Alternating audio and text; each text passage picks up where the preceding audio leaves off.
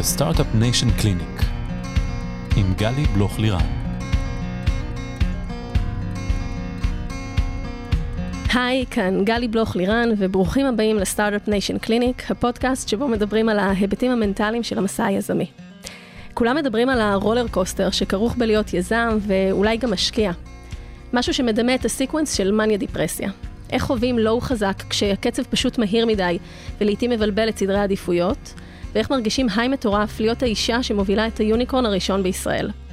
והמקום הזה, חוסר הוודאות הזה, הצורך לשמור על עצמנו כל הזמן ברמת ניהול עצמי גבוהה, אנרגיה גבוהה, ועם חוסן מנטלי להתמודד עם הכל, זה ממש לא פשוט.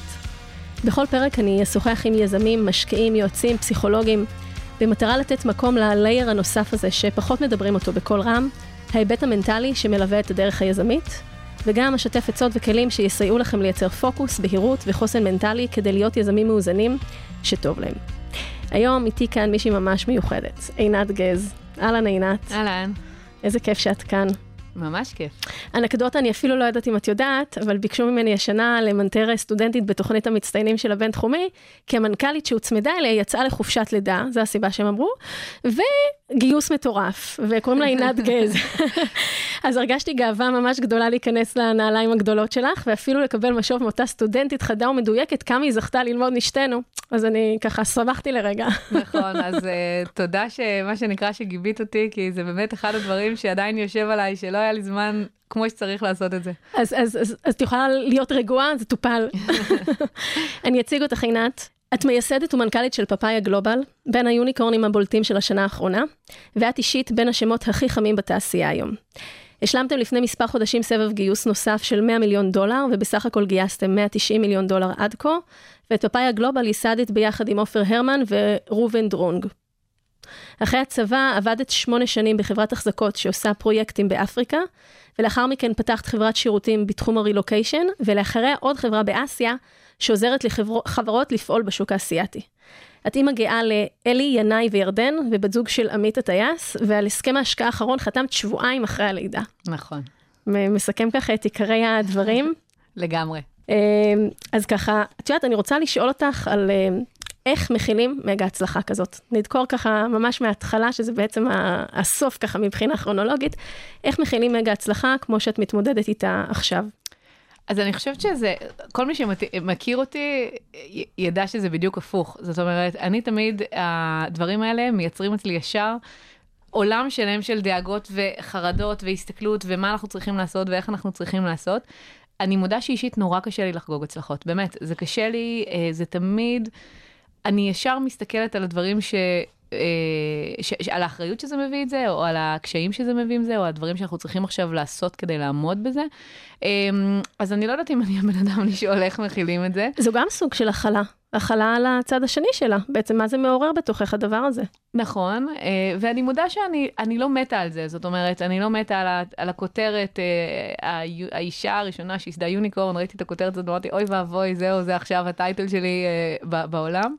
ובאמת, אני חושבת שבתוך הזוגיות שלי ובתוך היומיום שלי, מה שנורא אולי משקף את איפה אנחנו, איפה אני נמצאת, זה שכל הכותרות על הגיוס האחרון התפרסמו ביום חמישי, ובאמת יום חמישי בערב ויום שישי היה overwhelming של תגובות, ואנרגיה נורא חיובית, וזה נורא משמח, אבל זה באמת קצת אה, פתאום מוציא אותך מה overwhelming ומהאני כזה, שלפני רגע היית נורא, בסוף הייתי נורא אנונימית לפני זה, והלכנו לטיול בוקר אה, לים, אני ועמית, ולקחנו את הכלבה. ופתאום הוא נותן לי uh, שקית ואומר, הנה, היא uh, עשתה קקי, זה שלך, כדי שלא תשכחי uh, את הדברים הפשוטים. אז, uh, אז זה פחות או יותר איפה שאנחנו מנסים לאזן את הדברים. זה ממש כזה, זה באמת, את, את מתארת את ה... זה מעין שיאי חיים, שיש המון שיאים, אבל זה באמת שיא חיים בקנה מידה שהוא, שהוא יוצא דופן, הוא משמעותי. ו, ואת אומרת, לא תמיד קל לי אפילו להכיל את הדבר הזה, ואני צריכה ככה איזה זריקה למציאות. אז מה עוזר לך שם? מה עוזר לי שם? אז באמת, אה, לא להסתכל על זה ברמה של הנה וואו איזה הישג, אלא באמת, אוקיי, מה הביא אותנו לשם, מה אנחנו צריכים לעשות כדי להמשיך הלאה, אה, שזה תמיד מבחינתי הדבר הכי חשוב, וגם מה מבחינתי כרגע אני צריכה לעשות כדי להכיל את זה, או כדי להתמודד עם הדברים הבאים שמגיעים, אה, יותר צוות, יותר עזרה בבית, אה, כאילו, מה זה יביא, ורגע לנסות אה, להכניס את זה לתוך העולם שלי, ו- ולשמור על הגבולות ולשמור על המסגרת. אמ, וגם לדעת מה אני ומה עושה לי טוב, זאת אומרת, זה, קשה לפעמים, אבל נגיד, אני לא הולכת לאירועים, זה, זה לא מעניין אותי, זה, זה באמת כאילו, פחות, פחות אני, יש לי שלושה ילדים קטנים, יותר מעניין אותי להיות איתם בבית בערב מאשר לחפש איזה שהם אירועים או זה. כי, כי, כי זה לא, מבחינתי, אחד על חשבון השני, יש איזשהו טיימינג בחיים שדברים צריכים להתאים. ובאמת לנסות לעשות איזו הפרדה בין הכותרות ובין מה שקצת מצמידים אליך, mm-hmm. לבין המציאות, שזה בסוף עבודה מאוד קשה. זה בחירה, זאת אומרת, בחרנו לעשות סטארט-אפ בהייפרגרוף, אני תמיד אומרת את זה, זה, זה, זה בחירה שלי, זה בחירה של הקצב שאני אוהבת לקחת דברים, אבל גם לא לתת לזה לבלבל אותך באיזשהו מקום של... אה, הנה, אתה יותר טוב, יותר חשוב, אה, עשית משהו שהוא זה, כולנו אנשים, כאילו, בסוף זה הישג שאני חושבת שהוא מדהים, ואני נורא גאה בחברה ובפאפאיה, אבל זה מסע שהוא יותר גדול ממני, הוא mm-hmm. מסע של אנשים. ואני חושבת שגם זה הסופר טאלנט שלי בחיים, אה, לפחות בעולם העסקי, אבל גם אולי בחיים בחברים, זה לדעת להקיף את עצמך באנשים הנכונים, שיכולים לעשות איתך את המסע הזה ושיכולים להיות all in, אה, וזה, הכי חשוב בסוף. אז קודם כל זה מסר מדהים, ואני מאוד אהבתי את זה, את האופן שבו תיארת את זה, שזה מסע של אנשים, ובאמת איך את מקיפה את עצמך אה, באנשים נכונים שעוזרים לצלוח את הדרך הזו, כי זה It's not one woman show, זה צוות גדול שבאמת אה, מוביל את הדבר הזה. וגם, מה שאמרת שם זה איזשהו תוכן כזה של, של צניעות, של ענווה, של לא לתת לדבר הזה לבלבל אותנו. הרבה פעמים כשיש הרבה כסף ככה בסביבה, והרבה פעמים אה, פתאום כל ה-PR הזה בחדשות, והכל ככה באמת מאוד מאוד overwhelming, ואת אומרת, אני מתכנסת למה שנכון לי, לגבולות גזרה שלי, ללדעת ככה איך לדייק את הדברים. נכון. את משימתית באופי שלך? מאוד. לא סתם שאלתי. זה ניכר. אז, אז בואי בוא רגע ניקח את זה לכיוון הזה. את אומרת, היה, היה חתיכת גיוס, החברה עכשיו בהייפר גרורת מטורף. איך אני מתארגנת, שזו באמת אסטרטגיה, כל אחד צריך להכיר את עצמו ולדעת איך הוא עוזר לעצמו לצלוח את הדרך הזאת. אז מה ככה עשית ביום ראשון לצורך העניין שאחרי זה? אז גם צריך, לזכור, החיים. גם צריך לזכור שבסוף uh, אתה חותם, חתמתי על הגיוס, ו, ויש תהליך של דיו דיליג'נס וליגל וזה, אתה כבר נמצא בתוכו הרבה לפני שזה בסוף מקבל כותרת. והרגע הזה שזה פתאום יוצא לעיתונים, אתה אומר, אוקיי, זהו, מעכשיו, שלוש, ארבע, זהו, אתה כאילו במים. אה, אני חושבת שהדבר הראשון שעשיתי זה באמת אה, לכבות את ערוצי התקשורת, כאילו להתנתק מהטלפון, להתנתק מהזה, אמרתי, אני לא יכולה כרגע לצלול לתוך זה, אין לזה סוף. אמ, אתה, אתה מתחיל לקבל את הגל הזה ואז אתה אומר, אוקיי, כאילו, זה, overwhelming, זה יותר מדי. אה, ורגע באמת ללכת לקיצוניות מבחינתי של להיות אופליין, שזה כמעט ולא קורה. ו- ו- ולהגיד, אוקיי, כאילו, יהיה זמן לזה. עכשיו אני עדיין עונה להודעות מאותו גיוס במרץ, כי, כי עכשיו אני מגיעה לזה, ו- ובאמת אה, זה גם נורא משמח, אבל לדעת לקחת את זה בפרופורציה של אה, אין מה לעשות, זה גם, גם היום העולם הוא אה, כל כך overwhelming, וכולם מתנפלים עליך בכל ערוצי התקשורת, וזה באמת מצד אחד נורא מחבק ונורא מפרגן, ומצד שני, זה אתה אחד מול המון, שזה קשה. אמ, ברמה של פאפאיה, אני חושבת שעשיתי את, ה... את החשיבה העצמית עם עצמי רגע לפני שחתמתי על אותו מסמך השקעה. מה זה יגיד? אה, זו הייתה אחת ההתלבטויות הגדולות שלי. מה, מה התלבטת שם? אז הרגע הזה של אה, שאתה בסוף מקבל מסמך השקעה, אה, הוא תמיד רגע נורא משמח, נורא מחמיא, מיילסטון נורא חשוב בחברה, אבל ברמה האישית הייתי שבועיים אחרי לידה עם ילד אה, שלישי, כשהגדולה היא אה, בת ארבע. וזה היה כבר תקופה שהייתה נורא נורא עמוסה. זאת אומרת, גם אה, לפני, רגע, לפני המסמך השקעה, הזמן שינה היה נורא קצוב, וניסיתי להבין איך אני מכילה את כל זה, ובסוף, אתה שבועיים אחרי לידה, אז, אז, אז יש עדיין דברים בגוף שמתארגנים, והאנרגיות עדיין לא במלואם, ויש הרבה יותר מגבלות, וצריך לארגן את הבית. היו שם הרבה מאוד דברים שגרמו לי... אה, לעצור ולחשוב האם אני מסוגלת לעשות את החתימה הזאת, כי אתה יודע שאתה מכניס מימד שלם של דברים שצריכים לקרות כאן ועכשיו, שיחות עם עורכי דין וחוזים ומשקיעים וזה, לפני שסוגרים את הסיבוב הזה, שהם באים על כל חשבון השוטף שלרגע לא עוצר. ו...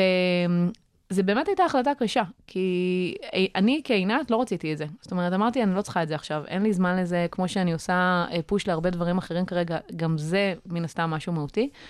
אבל כאן הרגשתי שזה באמת המקום שבו אין לי את הפריבילגיה לבוא ולסרב לה, להשקעה הזאת, כי בסוף אני מובילה חברה, וזה נורא נורא חשוב לחברה, וזה יותר גדול ממני וממה שנוח לי כרגע לעשות.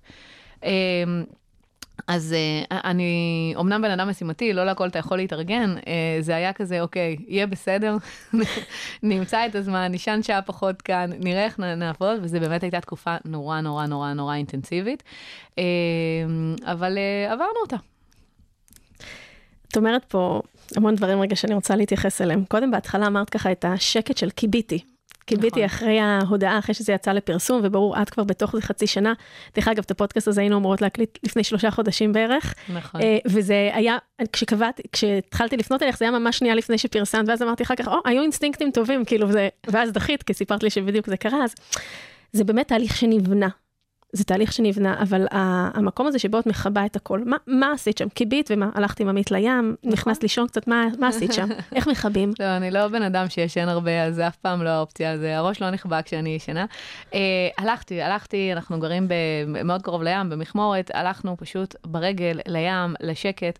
אה, למקומות שבאמת אה, רגע אתה מתחבר לשקט ולעצמך, שזה גם דווקא הרגשתי שזה בדיוק הפוך ממה שהייתי בכל התקופה הזאת, כי בסוף זה, זה סיים איזושהי תקופה משוגעת של, של כל הגיוס הזה, אה, אז זה גם היה נורא נורא נחוץ, ניסיתי מאוד להיות עם הילדים בכאן ועכשיו ובשקט הזה. ולא להביא את הביתה את כל הכותרות והטרפת שמסביב. ואז בעצם, בעצם בהתלבטות הזאת של איך אני הולכת לעשות את זה, ואת אומרת, אני עינת לא רציתי, זו אמירה מאוד מאוד אה, חזקה, אבל יש לי אחריות שהיא גדולה מעבר ואני מובילה פה חברה, ולחברה זה דבר נכון, איך התהליך המחשבתי הזה מתנהל לך בתוך הראש. כשאת אומרת מצד אחד, אני תכף, אה, אני, אני ילדתי וככה הכל קורה עכשיו ויש עוד תינוק חדש בבית והילדים קטנים בסך הכל, ובתור אימא לשלושה אני יודעת מה זה אומר וככה המון המון התארגנות. ומצד שני, אה, את, את לא יכולה לסרב לדבר כזה, אז איך את מנהלת את התהליך המחשבתי, שבסוף את אומרת תהיה בסדר וזה לא יהיה בסדר, זה ישראלי. זה יהיה בסדר של מישהי שהיא מאוד חזקה, שיודעת לנהל דברים, והיא יודעת באמת שהיא יכולה לסמוך על עצמה. כן, אז, אז תהליך קבלת ההחלטות שלי הוא בדרך כלל מאוד מהיר, אה, והוא בדרך כלל אה, מתכנס למקום שבו אני מסתכלת על ה-Worst case scenario. אז גם אמרתי, מבחינתי ה-Worst case scenario היה, אוקיי, אני ישנה עכשיו 3-4 שעות, אז בסדר, תקופה אני אשן קצת פחות. אה, אני אוריד את כל מה שאני באמת לא חייבת לעשות עכשיו לצורך ה- ה- בתקופה הזאת מהלוז, כי תמיד יש לך כל מיני דברים שאתה נורא רוצה לעשות, אה, גם באישי, גם, גם כל מיני אה, אה, דברים כמו, כמו להקליט פודקאסטים ולהיות במקומות שאתה נורא רוצה לעשות. אמ, זה גם היה אחת, אה, התייחסת לזה בהתחלה, זה באמת הייתה אחת מהמקומות שנורא כאב לי להגיד לא ל mentoring שהתחייבתי אליו, כי אמרתי, אני פשוט לא יכולה להכיל את העוד שעה הזאת ביום. ולפעמים זה גם...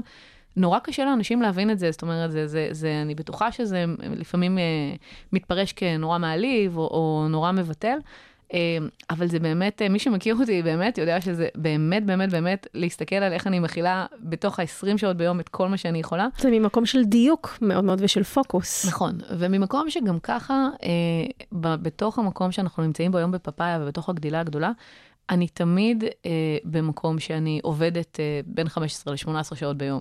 אז העוד זמן הזה, העוד להוסיף, הוא גם ככה מאוד מאוד קשה, ואתה תמיד צריך לבחור מה אתה יכול לעשות עכשיו, מה נכון לך יותר, מה אה, יושב כן על המקומות האישיים שאתה רוצה לתרום ולהשפיע. כי מבחינתי, הדבר היחיד שרציתי שיהיה מתוך החשיפה הזאת, או מתוך הכותרות, זה המקום שבו אני אומרת מה זה נותן לנשים אחרות. אה, דיברתי הרבה בסבבי גיוס, לפעמים אומרים לי שקצת יותר מדי, על, על החוויה של איך זה לגייס בהיריון, איך זה אה, נתפס מול משקיעים, אה, קצת על, על מאיפה אני גדלתי ולאן זה הולך, וזה באמת בא ממקום שאני רוצה להביא את הדברים כמו שהם, ובצורה מאוד מאוד כנה, כי אני חושבת שזה יכול לעזור לאנשים אחרים. זה מקום שנורא חשוב לי, ואני נורא מנסה לשמור עליו גם בתוך כל הטרפת. אז קודם כל זה מקסים, ואני חושבת שזה שאת כל הזמן מחוברת למשהו המאוד כן בתוכך, והמאוד אותנטי והמאוד פנימי, וזה חלק ממה שאת אומרת, שאת לא נותנת לזה לבלבל אותך. ו- ובסוף מי שאנחנו ואיך שאנחנו מביאים את עצמנו, את יודעת, זה צבר של דברים שהתחילו כבר הרבה קודם. אז באמת ככה, קחי אותי קצת אחורה, קחי אותנו קצת אחורה. ואיפה את מרגישה שהונחו ככה היסודות שלך, כדי היום, היום לעשות את מה שאת עושה ולהיות אה, ברמה תפקודית כזו מצד אחד, מצד שני גם לשמור על הערכיות הזאת ומקומות שלא מתבלבלים, מקומות שמצד שני מאוד מפוקסים, שמאוד אה, משימתיים, משימתיים, אבל יש בהם גם המון המון רגש. מה את מרגישה ככה בחיים שהוביל אותך לדבר הזה? שזה וואו. בטח לא דבר אחד. שאלה גדולה. אז ככה, בילדות שלי, בגיל ארבע, נפרדתי מאימא שלי, כמו שהכרתי אותה, היה לה סדרה של שטפי דם במוח, היא מאז שהיינו ילדים, מאותו רגע ועד שהיא נפטרה, פחות או יותר בגיל ה-20 שלי, היא הייתה משותקת, היא הייתה במצב... תקשורתי מאוד מאוד מאוד נמוך איתנו, אז, אז היא לא הייתה נוכחת בחיים שלנו מעבר לזה. שהיא תמיד הייתה בבית, בדמות שלה, שהיא מאוד לא קלה להכלה בתור אה, אה, ב, ל, לילדים. אה, מאוד חולה, מאוד אה, גדולה כזאת, כאילו, דמות לא קלה, דמות מפחידה אפילו באיך שאתה רואה אותה או שאתה תופס אותה. ו... מבחינתי בילדות היה תמיד, ו- ואבא שלי שהוא uh, תמיד, uh, זה, זה סוג של הירואיות נורא גדולה, כי בסוף הוא היה נורא צעיר, יותר צעיר ממה שאני עכשיו, החליט שהוא uh, מטפל בה בבית, ושנורא חשוב לה שהיא תישאר איתנו, uh, ושאנחנו נבנה את כל המסגרת הטיפולית uh, בתוך הבית, ולא בתוך uh, מוסד uh, מבחוץ. ו, ומתוך זה זה יצר איזושהי מציאות מבחינתי, שדווקא בילדות, תמיד הרגשתי שאני צריכה לספר סיפור אחר, זאת אומרת שאני צריכה להחביא את כל מה שקורה בבית, נורא נורא נורא נורא עמוק, ולספר סיפור אחר, ו- ולהצליח ולהתבלט במקומות כמו בית ספר, וכל אה, מיני דברים אחרים וחוגים, כדי שזה למעשה יאזן את המקום שתמיד הרגשתי בו נורא נורא נורא נחותה, כאילו אין לי אימא, ו- ויש לי אימא, אבל היא, היא למעשה במצב מאוד לא, לא נעים. ואני חושבת שאיפשהו בגיל ה-20, קצת אחרי שגם היא נפטרה, Uh, עשיתי עם עצמי איזשהו חשבון נפש ואמרתי, אוקיי, uh, א', בזבזתי הרבה שנים uh, בתוך ההתבגרות הזאת בלנסות להסתיר אותה ולהחביא אותה ולספר מציאות אחרת, uh, וזה אולי הזמן לשנות את זה ולא לקחת את הדברים האלה כ... כ זאת אומרת, זה לא אני, זה אני, זה, זה לא פגם שלי, זה, זה המציאות, זה החיים, זה, זה, זה, היא גם לא בחרה בזה. ו- ולנסות uh, לאזן את זה, ו- וזה מסע ארוך, זאת אומרת, זה לא היה לי קל, אני, uh, לקח לי זמן להיות מסוגלת להגיד את זה בצורה מאוד פתוחה ולדבר על זה, um, אבל אני חושבת שזה איזשהו מקום קצת uh, ככה בנה את, ה- את עצמי אחרת, כאילו להגיד, אני לא רוצה לספר סיפור שהוא פשוט לא נכון, או להחביא דברים שאני לא רוצה להגיד, אני מעדיפה להגיד, זה מה יש, זה הכל, הטוב והרע, כולנו כאלה בתור חבילה אחת, ובואו נתחיל מכאן. זה אני אומרת, הדברים קורים בחיים, וזה, הם קורים, לא, לא הייתה לנו שליטה ולא הייתה לנו בחירה על חלק מהדברים שקורים, וזה באמת חלק מהסיפור שלנו, אבל השאלה מה אנחנו עושים איתו, ואיך אנחנו מביאים את עצמנו פנימה. תגידי, הקולות האלה ש, שאמרת שהרגשת שאני צריכה לספר סיפור אחר, כי זה משהו פנימי שלך היה, או הרגשת כי זה מה שהסביבה מצפה ממך? ההפך, אה, דווקא אני חושבת שאבא שלי, בעצם זה שהוא הביא אותה הביתה והיא הייתה נוכחת בחיים שלנו, נורא רצה להגיד, זאת היא, זה מה יש, זה המציאות, תקבלו את זה. ואני חושבת שבסוף זה לא קל לילדים, זאת אומרת, השוני הזה, ואתה תמיד כזה ככה מנסה שאתה לא תהיה עם, עם התיקים האלה ש, שמבליטים אותך, ו, וקצת אתה יודע שמאחורי הגב מדברים עליהם, אה, אז, אז זה היה לי נורא לא נוח. זאת אומרת, אפילו אני זוכרת שבדיאלוג כ, כילדה קטנה, לא הייתי מסוגלת להגיד אימא שלי, כי, כי לא היה לזה זה, אז זה תמיד היה ההורים שלי, או, או משהו כזה קצת יותר מערפל, כדי שאני לא אצטרך להתמודד עם הדבר הזה ספציפית. וואו, זה, זה, אני מרגישה ככה את ה... זה עוד חי כזה, את הדברים האלה, זה תמיד דברים שמלווים אותנו לכל החיים. אבא ואת היום בקשר קרוב? אה, כן, הוא גם עובד בפאפאיה. וואלה, איזה מגניב, מה הוא עושה בפאפאיה? הנה דברים שלא ידעת. הנה, אה, יש מלא שאני לא יודעת, מה זאת אומרת, את הרוב אני לא יודעת. אה, כן, הוא איש מחשבים במה שנקרא בהווייתו, הוא מתכנת הרבה שנים, והוא הצטרף אלינו בפנסיה שלו, זאת אומרת, הוא עובד בבנקים בישראל בתור uh, ארכיטקט uh, תוכנה הרבה שנים, ולמעשה בפנסיה הוא, אני חושבת שאחד מהדברים שאולי משותפים לנו זה ששנינו לא כל כך טובים בלנוח, אז uh, הוא החליט ש... אז, אז הוא נורא התלבט מה לעשות, כי בבנקים זהו, כאילו הגעת לגיל 67, אתה יוצא מהדלת, לא משנה מה, ו... וזה התחיל בתור בוא תעזור לנו, יש לנו כל מיני בעיות שאתה יכול לעזור לנו לפתור. ומהר מאוד זה עבר לזה שהוא היום מוביל את תחום האוטומציה אצלנו, אז אה, זה נורא נחמד. וואו, זה אפילו יש בזה איזשהו אלמנט כזה, את יודעת, של closure, סגירת מעגל כזאת, איך ב- את הילדה שצמח ואבא היה הירואי עבורך, וככה גידל וניסה לתת לכם איזשהו framing מאוד מאוד אה, נורמלי לכאורה בתוך סיטואציה שהיא קצת פחות, ואיך את היום ככה עם אה, חברה כזו מצליחה וגדולה, ואבא עכשיו עובד שם, זה בטח איזה מקור לגאווה כזו פנימית, לא? אה, לא יודעת אם עשיתי לזה את החושבים, זה היה כזה נורא כזה משימתי, בוא, יש בעיה, תעזור לנו ברור, כי. משימתיים הם משימתיים, אבל כאילו... כן, אני חושבת שזה כיף שמצאנו מקום אה, להתחבר, היה לנו קצת קשה סביב כל העניין הזה, כולנו במשפחה, כל אחד קצת היה עם עצמו מאוד בילדות, ואני בכלל מאוד בעטתי, והיה לי מאוד לא נוח בתוך המשפחה, אז אני חושבת שאני שמחה שמצאנו איזה מקום להתחבר אה, ואיזשהו אה, עולם תוכן שהוא משותף לנו. מקסים. אז את בעצם ככה מביאה את כל החוזק הזה שהיה לך בתור ילדה ככה להתמודד עם הכל והדברים שאת היית צריכה אה, למצוא את דרכך בתוך המציאות הזו. בעצם את אומרת שזה חלק מהדברים שאת מרגישה שבנו אותך ככה לאורך הדרך ואת ההבנה שאת צריכה לעשות הרבה דברים בעצמך ולדאוג ולקדם אה, ולפצות אולי על כל מיני דברים שככה הרגשת שהיו שם פחות. נכון, אני, אה, אה, אין ספק שבסוף אירועים אה, משני חיים וקשים בונים אותך מאוד מהר. הם מייצרים לך חוסן נפשי, בונים אותך, מלמדים אותך הרבה מאוד פרופורציות על החיים, זה בטוח, ועל איך מתמודדים עם דברים. ויש מעט מאוד דברים היום, אני חושבת, שיכולים להביא אותי למצב של להרגיש שאני בהיסטריה מוחלטת או בחוסר איזון, כי בסוף הכל נראה לי נורא נורא פרופורציונלי לזה, שאם אנחנו קמים בבוקר ואנחנו בריאים ויש לנו את היכולת לעשות את מה שאנחנו בוחרים לעשות, אז כל השאר זה באמת בסדר, זה בעיות שאפשר לפתור. כל כך מסכימה איתך. תגידי, אז רגע מאבא, ובוא נעבור לשני גברים אחרים מאוד משמעותיים בחייך, בעצם לשותפים שלך. ותספרי קצת איך זה להיות אה, מנכ"לית יזמת עם שני co-founders גברים, שאת המנכ"לית, ואתם בתוך קבוצה של, אה, אה, אה, בתוך, סליחה, חברה שהיא בהייפר growth, ויש אה, המון לחץ, ואתם גם שלושתכם, אתם לא ילדים. זאת נכון. אומרת, אתם חבר'ה בוגרים יותר, כבר עשיתם כברת דרך, זה לא חבר'ה שהשתחררו מהצבא לפני 3, 4, 5 שנים. תספרי קצת על מה שקורה שם ככה. אז, אז אה, א', א', זו שותפות נורא טובה. היא טובה כי אנחנו טיפוסים מאוד שונים, ומההתחלה זה היה מאוד ברור, וזה היה גם מאוד ברור מה כל אחד מביא למשוואה הזאת.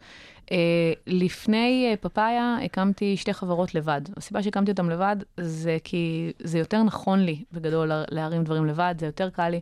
אני לא בן אדם שמאוד קל לעבוד איתו. תמיד, תמיד אומרת, צריך להגיד את זה, כל מי שמכיר אותי יודע, אני מאוד דעתנית, אני חושבת נורא מהר, אני מחליטה דברים מאוד מהר. אמ, זה לא תמיד קל, אוקיי? זה לא שותפות קלאסית שאנחנו יושבים כל יום ומסכמים ועושים. אנחנו יכולים להעביר שבוע, שבועיים בלי לדבר יותר מחמש דקות, כי אין לנו זמן, לקבל המון המון המון החלטות, ואז כזה לעשות איזה קצ'אפ אה, מאוד מהיר על, אה, על הדברים החשובים, והמון דברים אה, לא לגעת בהם בכלל. אמ, אז זה, ובאמת אני חושבת שחלק מההצלחה של החיבור הזה, זה זה שהתחלנו אותה לא כילדים, אלא כאנשים כבר יותר בוגרים, שמבינים מה חשוב להם בשותפות. אה, לא Mm. פתחנו את החברה בתור החברים הכי טובים, זה היה באמת חיבורים מקצועיים, זאת אומרת, התחלנו מזה שהכרנו והתחלנו לעבוד על פפאיה, זה לא נולד מתוך איזשהו חברות. איך. הכרתם? מאיפה? אז זה שני שידוכים נורא טובים. אה, כשהתחלתי לחשוב על הרעיון של פפאיה, הלכתי לחבר טוב שלי, שפעם בערך יומיים היה חוטף ממני איזה טלפון של, יש לי רעיון מעולה לסטארט-אפ, בלה בלה בלה בלה בלה בלה, ויומיים אחרי זה זה היה משתלף, משתנה ברעיון אחר, ופעם אחת הוא אמר לי, תקשיבי, תשני על משהו. קצת יותר מ-48 שעות, אם זה חי אצלך בראש, בוא נדבר. מי זה החבר ה- עם העצה הטובה הזו? נתי ברון, אפילו היה כאן חלק מהסגל בבינתחומי תקופה. אמ, ו- עצה טובה בסך הכל. לגמרי, לא סתם אומרים לי. אה, לישון על הדברים. לגמרי, לגמרי. בטח שבסוף אתה חוטף את כל, ה... את כל הדברים וההתלהבות והזה, ואז יומיים אחרי זה, לא, עזוב, חשבתי שזה לא משהו, בוא נחזור, בוא נעבור הלאה. וכשפפאיה באמת התחיל להשתרש והכל, ואמרתי לו, יאללה, בוא תעבוד איתי, אז הוא אמר לי, איתך אני לא עובד. שזה... שזה גם מאוד חשוב לדעת נכון. איפה הגבולות עוברים ועם מי נכון ללכת לגמרי. לדרך כזו ועם מי לא. לגמרי, לגמרי, ואני מאוד מעריכה אותו על, ה... על היכולת להגיד את זה בצורה מאוד מאוד מאוד ברורה. ו... אבל הוא אמר לי, אבל מצד שני, השותף שלי לשעבר, אה, בסטארט-אפ שמכרנו, הוא בדיוק מחפש את הדבר הבא, והוא ממש יכול להתאים לך. אז זה היה שידוך לראובן, שהיה שידוך מתוך מישהו שמכיר אותי מאוד טוב, מכיר את ראובן מאוד טוב, וממש עשה שידוך אה, כמו, כמו בסרטים, רק אה, לצרכים עסקיים לגמרי. היה מאצ'מייקר איכותי. ממש, ממש, ממש. והחיבור לעופר היה מאוד דומה, זאת אומרת, חיפשנו מישהו שיוביל את כל הצד של ה-R&D. והתקשרתי למישהו שאני מכירה, חבר, שידעתי שהוא באמת אה, VP R&D מצוין, וכזה אני רוצה, ואמרתי לו, בטוח אתה לא תבוא, כי הוא בדיוק התחיל איזשהו סטארט-אפ חדש ו- ונורא טוב, ו- אבל אני רוצה מישהו כמוך, שיכול לעבוד איתי. ואז הוא אמר לי, אוקיי, הבוס שלי לשעבר, עופר, בדיוק סוגר סטארט-אפ, ונראה לי שהוא ישמח לשמוע, אם זה רציני מספיק, אז uh, תצליחי להביא אותו פנימה. אז גם זה הגיע מתוך uh, שידוך של uh, מישהו שמכיר אותי, ומכיר גם את הצד השני, וזה באמת היה uh, שידוכים טובים. ואני חושבת שאחד הדברים שהכי גרמו לנו להצליח עד כה, זה חלוקת תפקידים נורא נורא נורא ברורה. שהיא לא תמיד מובנת מאליה. אני זוכרת שבפגישות אה, משקיעים הראשונות בישראל, אז מישהו נתן לי פידבק אחרי הפגישה ואמר לי, אה, הסיבה שהחלטנו לא להשקיע זה כי אנחנו חושבים שהשותפות הזאת היא לא מספיק טובה, השותפים שלך אה, לא באותה דינמיקה שלך, ואמרתי נכון, וזה מצוין. כאילו, אני נורא פרונטלית ואני נורא אוהבת את הצד של הביזנס ו- ולדבר עם אנשים, והם נורא משימתיים ויודעים לקחת את הדברים ולדלבר אותם, וזה מה שצריך. אני לא צריכה אותם, לא, לא, לא, זה לא מופע של שלושה אנשים וזה בסדר. אמ, ולפעמים צריך לדעת אה, להבין ולבנות מה שמתאים לך, ולא מה שאחרים חושבים אולי שהמודל הנכון לשותפות.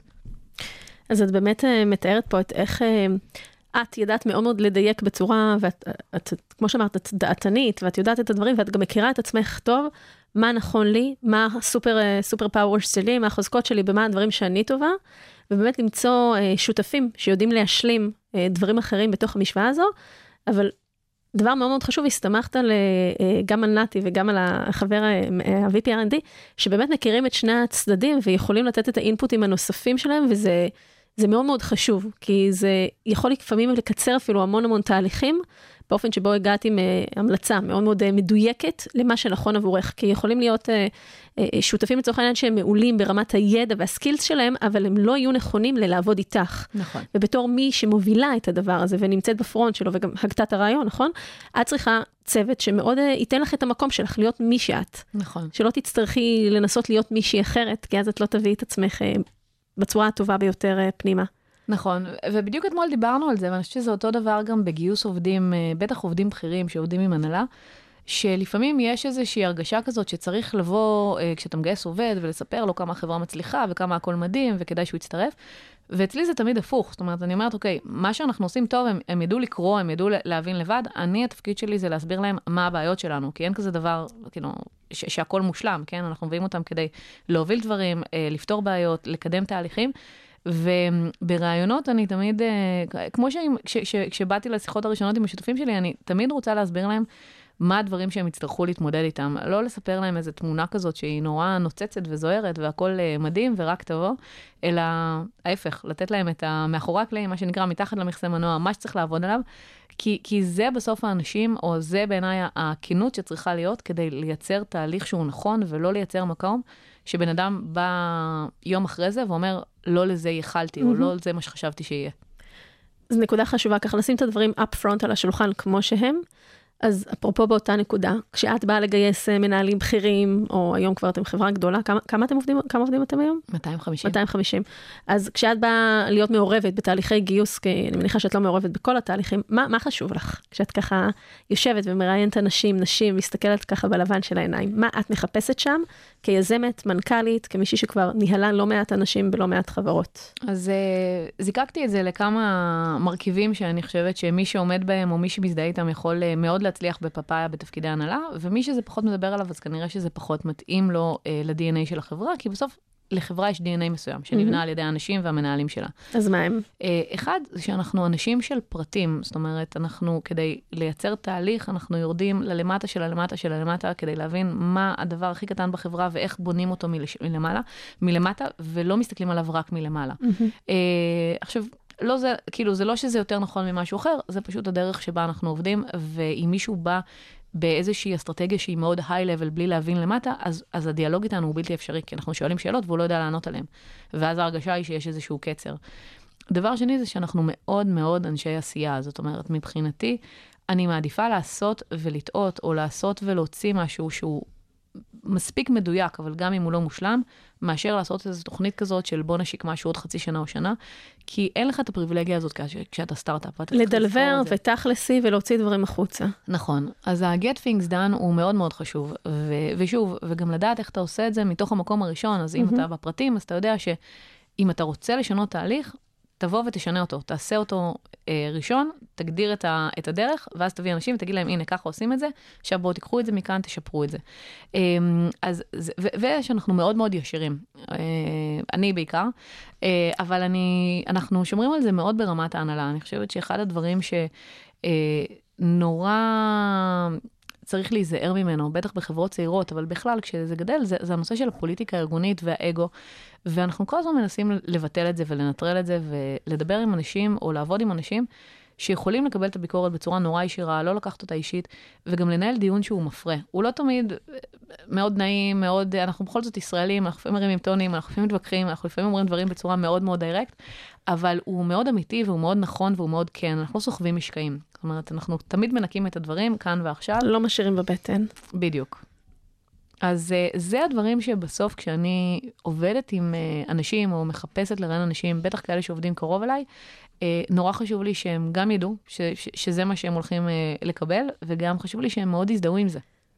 אז למעשה את מדברת על, על ערכים שמניעים אתכם כחברה, באמת הירידה לפריטים, הדיטיילס ואנשי עשייה והישירות והשקיפות של הדברים. אז זה משהו שאת אומרת אותו, זה משהו שבהוויה מורגש, זה, איך זה מחלחל? עד למטה אצלכם בחברה? גם וגם וגם וגם. אני מאוד אומרת את זה ברעיונות, זאת אומרת, כל מי שאני מראיינת אה, לתפקידים שעובדים איתי, אני מציינת את זה ואני אומרת שזה בסוף ה- התרבות הארגונית שלנו, זה נורא חשוב להבין את זה. יש אה, אה, חברות שהתרבות הארגונית היא הרבה יותר היררכית, אז אתה מדבר עם זה ואתה עושה ישיבות יותר קטנות וזה תמיד עולה למעלה, אצלנו זה לא, זאת אומרת, אני מעורבת בהרבה מאוד תהליכים עדיין, אני רוצה לגעת בהם, אני רוצה להבין אותם, אה, ו- והתרבות הארגונית היא מאוד מאוד ישירה. אה, אנחנו עדיין מנסים לשמור על זה, זה קשה יותר ויותר, אבל יש לנו מין כזה שבועיים של orientation, שאני מקווה עכשיו שנתחיל לעשות אותם אונליין, בדיוק דיברנו על זה face to face ולא אה, רק אה, מרחוק. Offline. אה, סליחה, כן, כן. כן. אה, מספיק קצת מהאונליין. בדיוק. ו- ולהביא את האנשים, בין אם זה לכאן, בין אם זה לארה"ב, אבל לחבר את הקבוצות האלה שמתחילות ביחד. וגם שם נורא חשוב לי, אה, אז תמיד יש את ההתלבטות, כי אתה אומר, זה כבר הופך להיות בערך אה, כזה, אנחנו קולטים קבוצה כזאת פעם בשבוע או פעם בשבועיים, אז זה המון המון שעות שאתה צריך לעשות איזשהו session של company vision ולדבר, ו- וכאילו, וכשזה, בטח כשזה ב remote, אתה יכול, אתה אומר, אוקיי, אני אקליט session והם יראו אותו, מה ההבדל? אז זה לא, ההבדל הוא כזה, להביא את עצמך באותנטיות לכל, לכל קבוצה, אה, לתת להם ולהגיד להם בצורה ברורה, וזה תמיד הספתח שלי אה, לכל הסשנים האלה, זה להגיד, אנחנו כאן, אנחנו זמינים, אנחנו רוצים לשמוע מכם, ככה אנחנו עובדים בפאפאיה. אה, לא כולם תמיד יבואו ויעשו את זה, אבל אני חושבת שזה כן מאפשר להם לפחות את האופציה להרגיש שזה בסדר, ו- ועושים את זה, ואני מאוד שמחה לראות את זה. זאת אומרת, אני מאוד שמחה לקבל אימיילים מאנשים שגם אם ביום-יום יש לי אפס אינטראקציה איתם, כי אנחנו שנינו עובדים על דברים אחרים לגמרי, שאומרים לי, תקשיבי, היה לי איזה רעיון, ככה וככה וככה, מה דעתך? חשבתי שאולי זה נכון, אה, זה, ו- וזה נורא כיף, זה נורא משמח. זה חלק מהישירות למעשה שאת מדברת עליה ומאפשרת אותה, והם אה, לוקחים אותה בשתי ידיים. אני חושבת שזה גם חלק מהניסיון לשמור על החברה כחברה עדיין של, אה, אה, ש- שהיא דינמית ושהיא קטנה ושהיא סטארט-אפ, ולנסות להתרחק מתהליכים שהם ארגוניים כבדים, ו- והשכבת הנהלה הופכת להיות קצת יותר, פחות נגישה, והכל הופך להיות היררכי. את מדברת על לעשות סשנים כאלה עם אה, צוותים בארץ ובעולם, זה אומר נסיעות, זה אומר בעצם, את צריכה להביא את עצמך, כי כמו שאמרת, אני יכולה להקליט סשן, זה לא אותו דבר, זה לא אותה נכון. אותנטיות, זה לא להסתכל עליהם עם החיוך, עם להקשיב לכל מיני דברים שהם פתאום אומרים ככה בקהל ולהתייחס אליהם. איך מנהלים את זה עכשיו עם שלושה ילדים קטנים בבית? חזרתי לטוס. התגעגעתי ולא התגעגעתי, אה, אז אה, את יודעת, כל הזמן מנסים לאלתר. אה. לטיסה הראשונה רציתי להיות קצת יותר זמן בארצות הברית, אז גררתי את כולם איתי. אה, זה היה מוצלח ולא מוצלח כאחד, זאת אומרת, זה לא היה קל, זה היה, זה היה קשוח. לחודש וחצי האלה שטסת, אז נכון. כולם באו איתך כן, בעצם? וואי, כן. זו חוויה.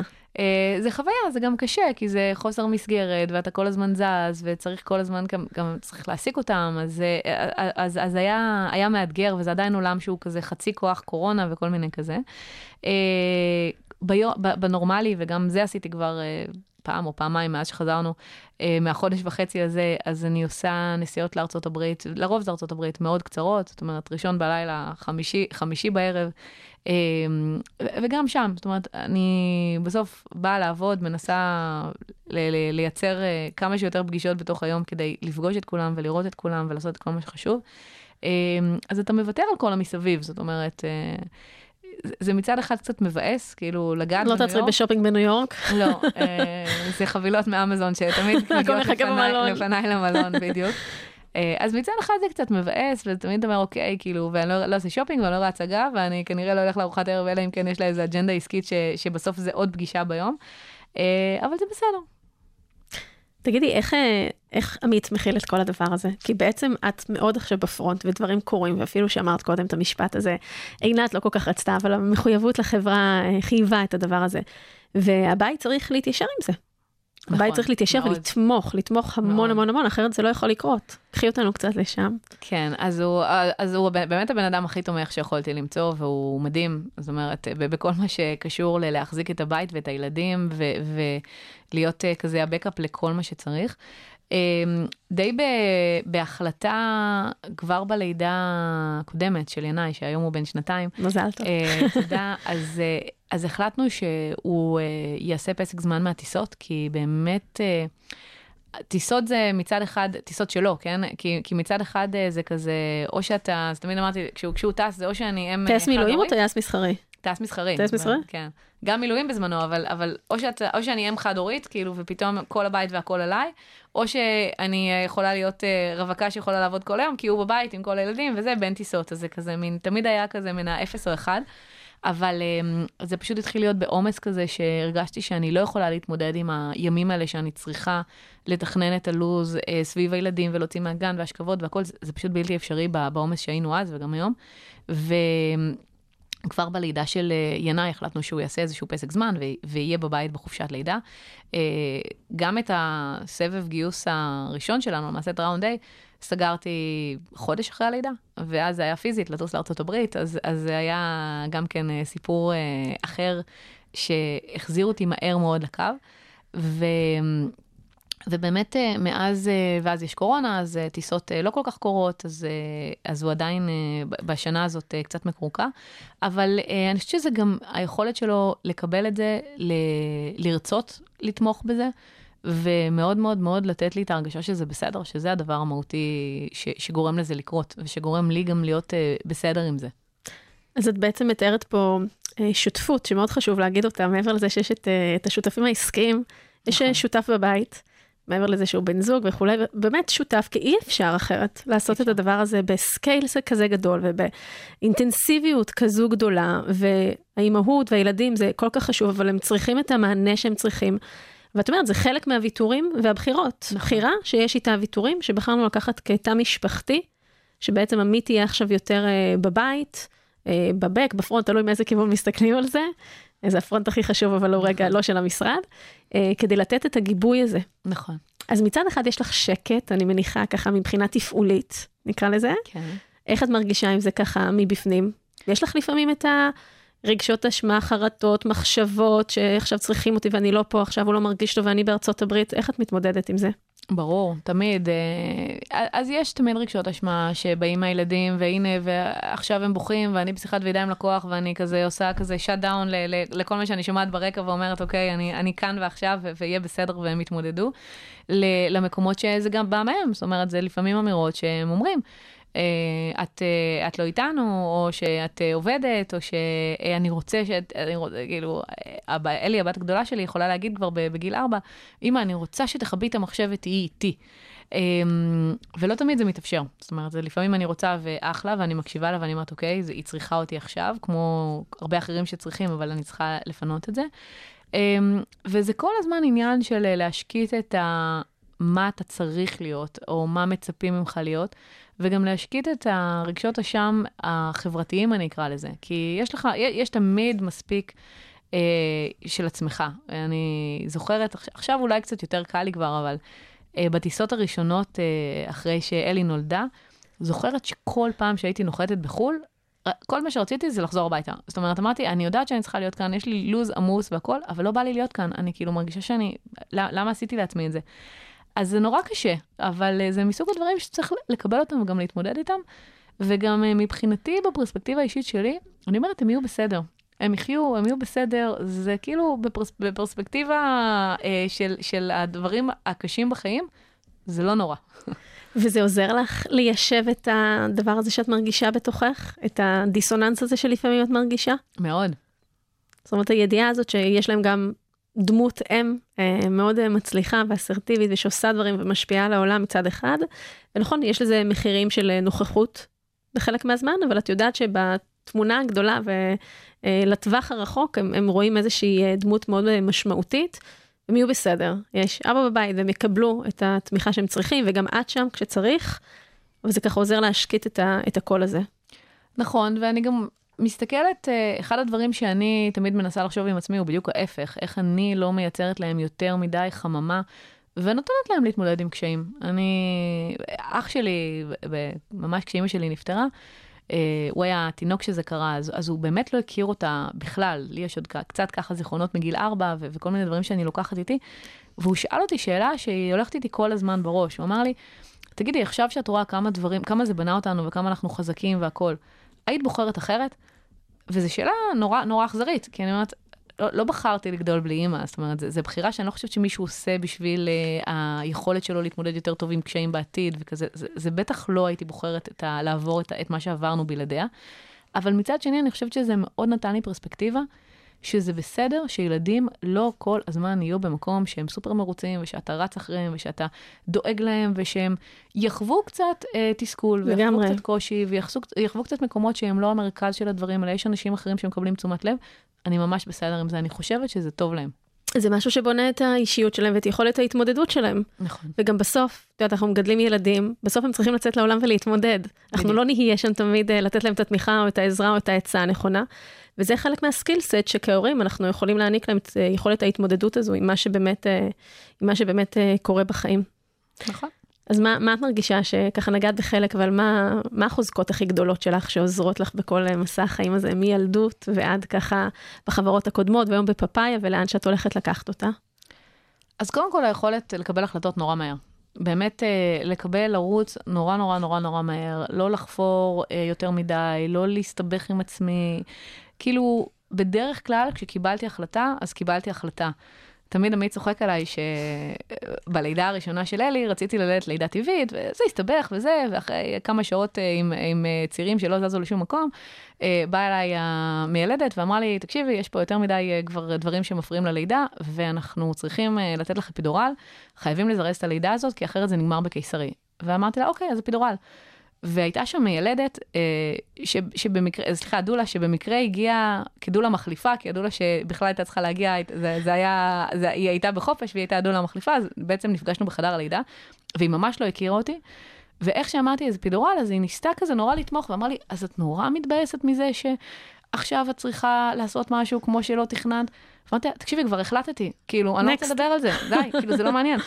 ומסכנה, אני חושבת שהיא הייתה קצת בטראומה, כי, כי באמת היא באה ממקום נורא תומך ונורא רגשי, ו- ואני כבר לא הייתי שם. זאת אומרת, אמרתי, אוקיי, רציתי, זה לא רלוונטי, כאילו, צריך לשנות כיוון. אחלה, אני, אני כבר בדבר הבא. מאוד פרקטית. נכון. אמ, ו- ו- ובאמת מקבלת החלטות נורא מהר, ואני חושבת שיש לי חוסן נפשי מאוד גדול כן להתמודד עם דברים שגם כשהם נוחתים עליך, ויש לפעמים דברים קשים שנוחתים גם ברמה העסקית, אז לנשום אותם ולהגיד, אוקיי, זה מה יש, עכשיו בואו נראה איך אנחנו פותרים אותם, אבל לא לתת לזה לשקוע ולהסתכל על זה ברמה של אה, חרב אה, עולמך, ועכשיו אה, אה, לצלול לתוך, ה, לתוך הדברים שאתה לא יכול לפתור, אלא להסתכל על זה באמת ברמה שאתה יכול לפתור.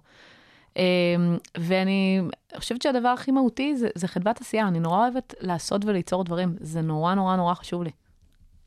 זה גם חלק בדיוק מאותם ערכים שתיארת קודם, שחשובים לך בחברה ובפאפאיה, שבאמת אנשים יעשו ויביאו דברים ומלמטה ו- ולעשות, וגם אם הם לא מושלמים, אז, אז עדיין uh, לעשות אותם הכי טוב שאפשר uh, ולייצר. נכון. תגידי, הילדים ככה יודעים מה את עושה? מכירים את פפאיה? מכירים את החברה? כולם יודעים להגיד פפאיה. עושים פיץ' מעולה. הם כולם יודעים להגיד פפאיה, אפילו לדעתי אה, הקטנצ'יק תכף אה, מתחיל להגיד פפאיה. אה, כן, הם יודעים, הם בטח לא יודעים מה החברה עושה, אבל הם יודעים, הם יודעים לזהות בעיתון את ראובן ועופר. יש להם כל מיני דברים, הם יודעים לזהות את הלוגו של פפאיה. אבל אם תשאלי את אלי, הגדולה שלי, מה אימא עושה, אז היא תגיד לך, היא תגיד לך, אבא הוא טייס, ואימא עושה שיחות. זה מסכם את הכל, לא? אבא טייס ואימא עושה שיחות. אז תגידי, אלי, נגיד עוד כמה שנים ככה, כש... או שאת רואה אותה אפילו כ- כילדה, או את יודעת, עוד כמה שנים קדימה. מה ככה, מה את יכולה להגיד מהמקום שלך היום ל... ליזמת המתחילה, ודרך אגב, או ליזם המתחיל, כי מבחינתי זה, את יודעת, גם יזם וגם יזמת, יש להם כל כך הרבה דברים שהם צריכים להתמודד איתם, וכן, כנראה גם מהמקום הנשי יש דברים נוספים. אז מה ככה ה-take-aways המשמעותיים שאת היית נותנת, או ה-giveaways במקרה הזה? אז אני חושבת שכמה דברים, ותמיד אני אומרת אותם, ואני חושבת שאנשים לפעמים לא כל כך מפנימים את זה, שלהחליט לייצר אה, חברה, ליזום משהו, זה לא משנה באיזה גודל זה, זה אף פעם לא סיפור הצלחה, אוקיי? אתה תמיד, תמיד, תמיד מתחיל מהמקום הקשה, שאתה עובד נורא, נורא, נורא, נורא קשה, לייצר משהו שאף אחד לא מכיר, וגם בינינו העולם מסתדר רגע לפני שבאת, אז, אז אתה צריך לייצר לזה גם קיום ו- ומשמעות אמיתית ולגרום לזה לקרות. ו... הרבה פעמים אני מרגישה שאנשים כזה קצת מנסים לקפוץ לשלב הבא, שהכל כבר עומד ומצליח וקורה, וזה לא קורה מעצמו. זאת אומרת, צריך להשקיע בזה את הנשמה ואת כל מה שאתה יכול, ובאמת את כל האנרגיה, כי, כי מיזם זה, זה חלק אה, אינטגרלי מהגוף שלך. ואם זה לא המקום, או זה לא ה mindset, או זה לא הזמן בחיים, שזה לגמרי לגיטימי, אז, אז עדיף לא לעשות את זה מאשר לעשות את זה בחצי כוח. מבחינתי, כל המיזמים בחצי כוח, אני חושבת שאם פעם מישהו יסתכל אה, סטטיסטית מה, מה הצליח מהם, מעט מאוד, אולי אנשים שכבר עשו מיזמים בעבר ויודעים קצת יותר אה, לבנות את זה נכון מההתחלה, אה, אבל בעיניי זה בלתי אפשרי. באמת להיות minded לתוך הדבר הזה, ואת אומרת, זה חלק מניהול הבחירות, כמו שדיברנו קודם, לדעת שבתקופה הזו, דברים אחרים יהיו בצד, וזה צריך להיות הפוקוס, כי אתה צריך להיות, או את צריכה להיות כל כולך בתוך הדבר הזה, כדי שהוא, שהוא נכון. יצמח. ואני תמיד משווה את זה, בילדות הייתי שחיינית, והייתי גם שחיינית תחרותית, ו... כל מי שהתעסק בספורט, ובסוף גם בספורט תחרותי, יודע mm-hmm. שאין קיצורי דרך. אתה צריך להתאמן כל יום וכל יום וכל יום וכל יום, כדי הרגע הזה שאתה מגיע לתחרות, ואתה הכי טוב שלך, ואתה משפר בשנייה, כי, כי זה הדברים, זה, זה שיפורים נורא נורא קטנים, זה לא שיפורים של עכשיו קיצרתי חצי מה, מהזמן. אותו דבר עם uh, מיזמים בעיניי, שבסוף אתה צריך להשקיע בכל הדברים האלה, ואתה צריך לעשות את הרוטינה הזאת, ואת ה, הדרך המעייפת, ו- ולהיכנס לתוך זה, ולהיות באמת all in. כדי להגיע להערה הזאת, לדברים שקורים בסוף. אני חושבת שבכל השיחה שלנו, אולי ככה המשפט שאיתו אמרת עכשיו, ה-all in הזה, את, את כל כך מדברת את זה ואת כל כך מקיימת את זה. כמה באמת, אה, ו, ובשלב שבו את נמצאת היום בחיים, כמה את all in באמת בתוך המיזם הזה ובצמיחה שלו ובעשייה שלו, לצד הוויתורים שהיו צריכים לקרות אה, לגמרי. בדרך. לצערי, אני תמיד אומרת, אוקיי, זהו, החודש אני אצליח לשפר את היומן, החודש אני כבר זה, החודש זה התחיל, ואז אני מוצאת עוד משהו שאני רוצה לעשות, ועוד איזה פרויקט שאני רוצה להוביל, או עוד איזשהו מיילסטון שאנחנו רוצים לעשות. אה, לגמרי all in, גם ברמת היומיום, אבל גם ברמה הרגשית. שזה, שז, שזו העבודה, שזו העבודה באמת לא להיות כל הזמן חצויה. כי כשאת חצויה, אז, אז את לא באמת all in. זאת אומרת, את יכולה פיזית להיות all in ושהלו"ז שלך יהיה מלא כל היום, נכון. אבל אם את לא שם, נכון. באמת בהוויה שלך וברגש שלך וב mindset שלך ובראש שמפוקס לזה, אז את לא באמת all in. נכון. והפוקוס המנטלי הזה הוא מאוד מאוד מאוד אה, חשוב.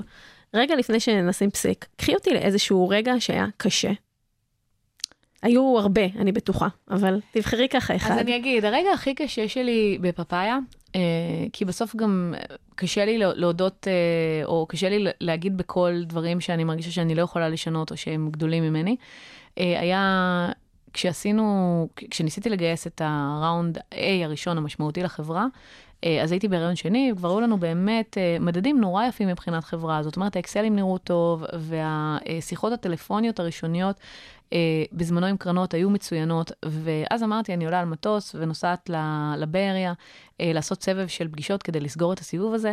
הייתי בהריון בחודש חמישי, זה היה גם ההזדמנות האחרונה שלי למעשה לעלות על טיסה לפני שאני יולדת.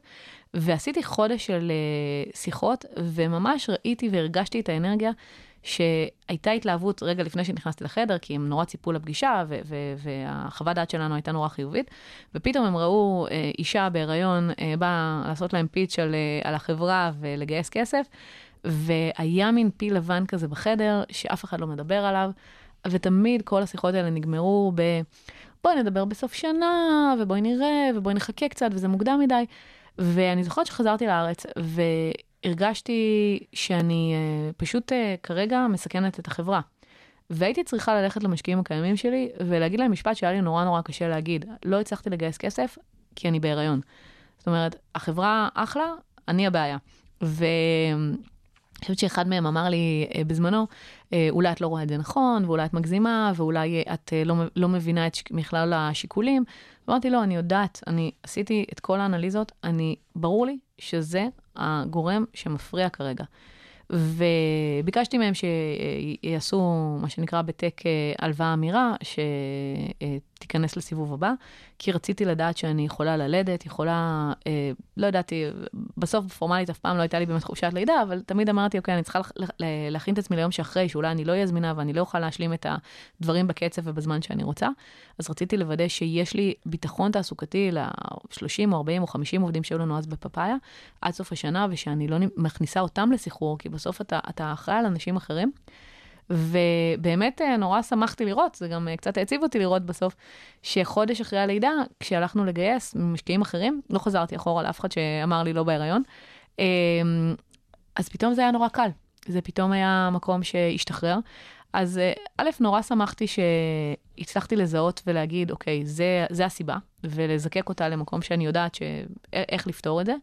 אבל באמת הרגע הזה שאתה, ש... שעמדתי עם עצמי ואמרתי, אוקיי, בגלל הבחירה האישית שלי, להיות בהיריון, אה, להגדיל את המשפחה, עכשיו אני יכולה לשלוח 50 אה, או 60 אנשים הביתה ולסכן את החברה, היה לי רגע מאוד קשה שם.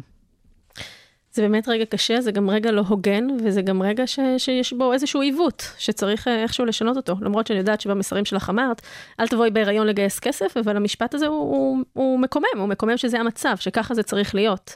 ושפחות, ואת אומרת, זה המצב, אבל, אבל זה לא נכון שזה יהיה המצב, וצריכים להסתכל על ה... אני חצי מסכימה. כי אני אומרת, אני, אני יכולה להבין את ההטייה הפסיכולוגית. אני יכולה להבין שמישהו נכנס, ו, ובסוף אתה הולך לשים עליו המון המון כסף, ויש לך אחריות לכסף הזה, זה לא זה. ואתה אומר, אוקיי, יכול להיות שהוא בכלל... לא, אני לא יכול לשאול אותו, זאת אומרת, יש המון מגבלות של שיח שאנשים מרגישים שזה לא פוליטיקלי קורקט, או שאפילו אסור לפי חוק.